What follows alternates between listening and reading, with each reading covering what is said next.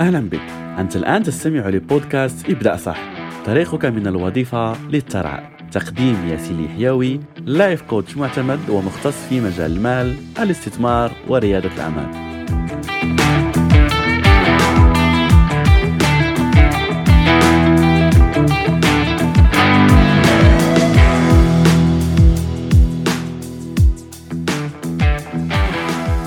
السلام عليكم ورحمة الله تعالى وبركاته. مرحبا وأهلا بك من جديد في الحلقة الثانية من برنامج الوفرة المالية الذي نقدمه بشكل حصري على برامج البودكاست من بودكاست ابدأ صح طيلة هذا الشهر الكريم. فيوم أمس توقفنا في مفهوم جد جد مهم في عالم الوفرة والثراء وهي معادلة الحصول على النتائج. واليوم إن شاء الله سنكمل بمفهوم جد جد مهم ممكن أهم من كل شيء سنقدمه قبل أن نتعمق يعني في التطبيقات وفي الأمور المادية وكيف ممكن تحصل على الوفرة إلى غيرها. فلما كنت اعد هذا البرنامج فكرت على أنه متى يعني أضع ولا أشرح هذه الفكرة وكيف أتطرق لها؟ فقررت على أني آه، أنسب وقت هو أن نناقش هذه الفكرة في الأول. لماذا؟ لأن ما سأشاركه معك اليوم إن لم تفهمه وإن لم تقتنع بهذه الفكرة فللأسف لن تستطيع الاستفادة ولا لا أريد يعني أن يكون كلامي سلبي ولكن فعلا سيكون من الصعب جدا عليك على أنك تقدر توصل للوفرة ولا الحرية المالية ولعل أنك تغير حياتك المالية. لماذا أقول هذا الأمر؟ لأن هذا هو اللي وقع لي. يعني أول مرة أسمع هذا الكلام ولا هذه المقولة التي سأشارك معك إن شاء الله.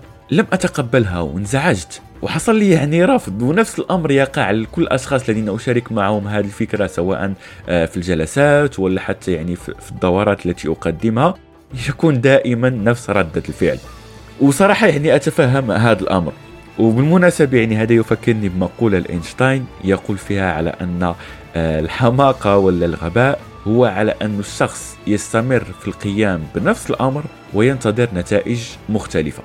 فبالتالي لو كنت تريد أن تحصل على نتائج مختلفة اللي في برنامجنا نتكلم عن الوفرة يعني لو كنت تريد أن تصل للوفرة والحرية المالية والثراء وتعيش يعني حياة مالية أفضل فبالتالي يستحيل على أنك تستمر بالقيام بنفس الأمر يوم أمس تكلمنا على أن كل شيء يبدأ بالأفكار فبالتالي يستحيل على أنك تستمر بنفس الأفكار وتنتظر نتائج مختلفة تمام؟ فخلينا نناقش موضوع حلقة اليوم اللي يبدأ بهذه المقولة واللي سأطلب منك أنك تتابع الحلقة بالكامل لأنه سيكون فيها العديد من الشروحات.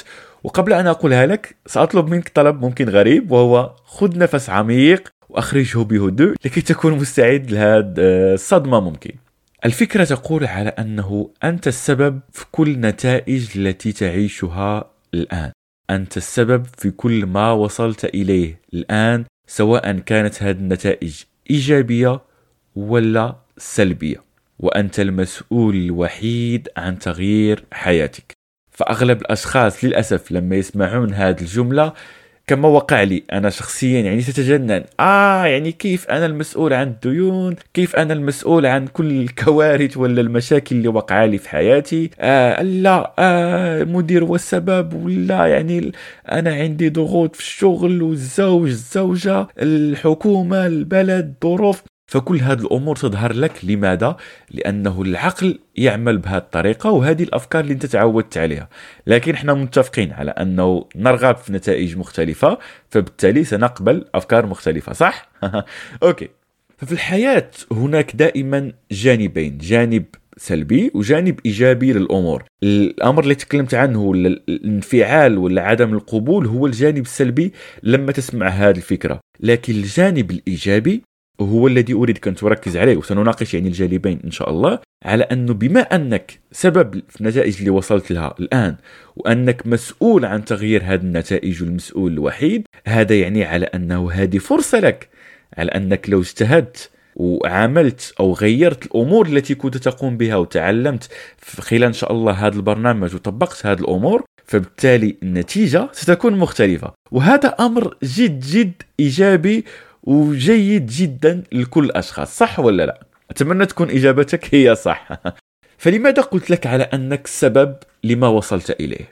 الغريب على أنه الأشخاص في طيلة هذا شهر رمضان تقريبا كل الناس يعني يا إما نقرأ القرآن أو لا تستمع القران ولا يعني في صلاة التراويح فنسمع لمجموعة من الآيات من بينها آية من سورة النساء يقول فيها الله عز وجل ما أصابك من حسنة فمن الله وما اصابك من سيئه فمن نفسك.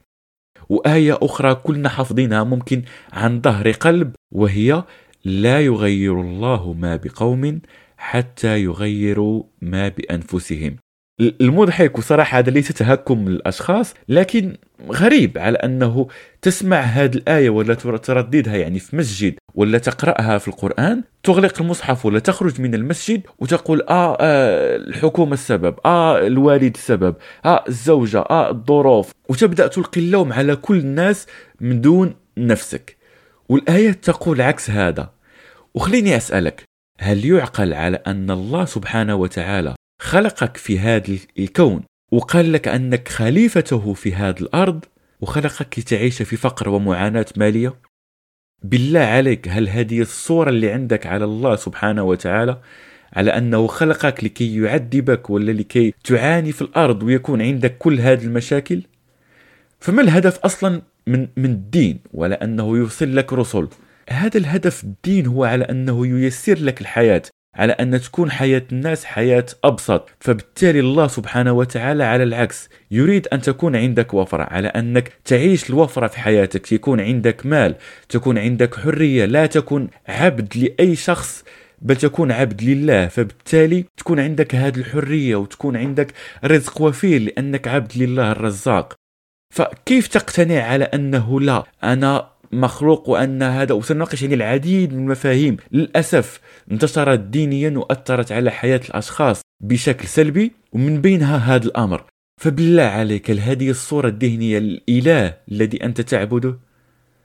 أكيد لا. فمن فضلك صحح هذه الصورة على أنه لا. الله سبحانه وتعالى خلقك في هذه الحياة لكي تستمتع.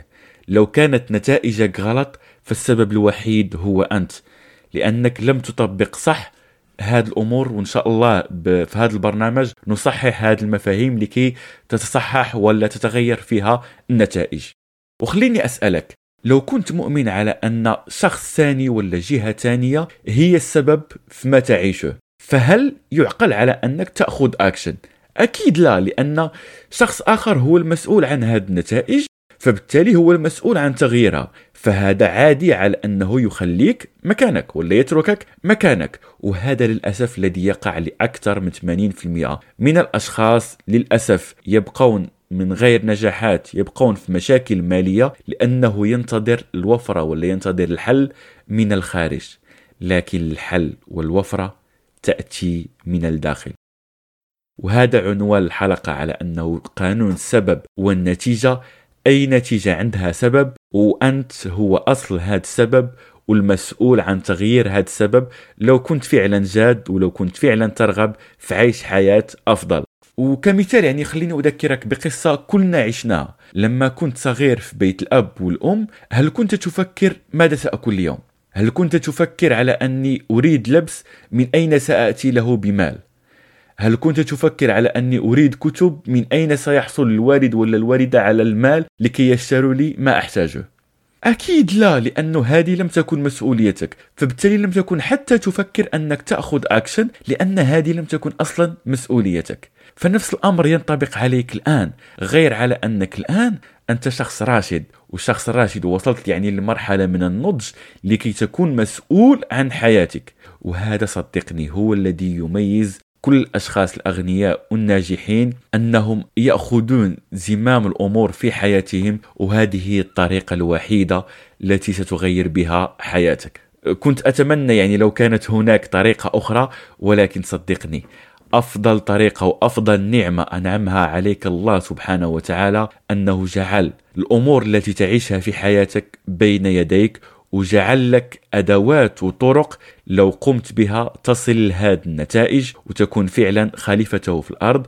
وخليفة الله سبحانه وتعالى في الأرض يستحيل يكون عنده فقر يستحيل يكون عايش معاناة يستحيل يكون عايش في ظلمات الفقر وعنده نقص في المال. بل ممكن أكيد يكون عنده تحديات ويكون عنده يعني آه بعض لن أكون مشاكل خلينا نقولها يعني تحديات وهذا اللي أحب أن أسميها ويعرف كيف يتجاوزها وهذه حلاوة الحياة وسنتطرق إلى هذا في باقي الحلقات إن شاء الله. فأتمنى يعني تكون اتضحت لك الصورة أكبر وبدأت تقتنع على أنه المسؤولية عندك على أنه أكيد عندك عمل يجب أن تقوم به لكي تصل للوفرة. هذا المجهود ولا هذا العمل ليس مسؤولية أي شخص. بل هو مسؤوليتك أنت وأنت وحدك لو فعلا قررت أنك تغير حياتك.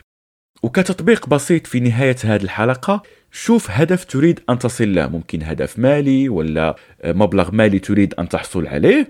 واسأل نفسك هذا السؤال. ما هو الشيء الذي سأقوم به لو كنت أنا المسؤول 100% عن هذه النتيجة التي حددتها؟ وبليز خلي عقلك يعني يشتغل بدون أحكام بدون يعني تظهر لك بعض المعتقدات ولا لا أستطيع إلى غيرها. فقط ألغي هذا الأمر. أنا متأكد على أن عقلك عنده الجواب ولست مضطر على أن يكون هذا الجواب جواب منطقي. فقط خلي كل الاحتمالات موجودة أمامك وستتضح لك يعني الصورة بشكل أكبر مع باقي الحلقات. اكتب عندك هذا الجواب شارك هذه الحلقة مع أعز الناس إليك وأراك في باقي الحلقات وحلقة الغد. إن شاء الله ولا تنسى. ابدأ صح تنجح صح.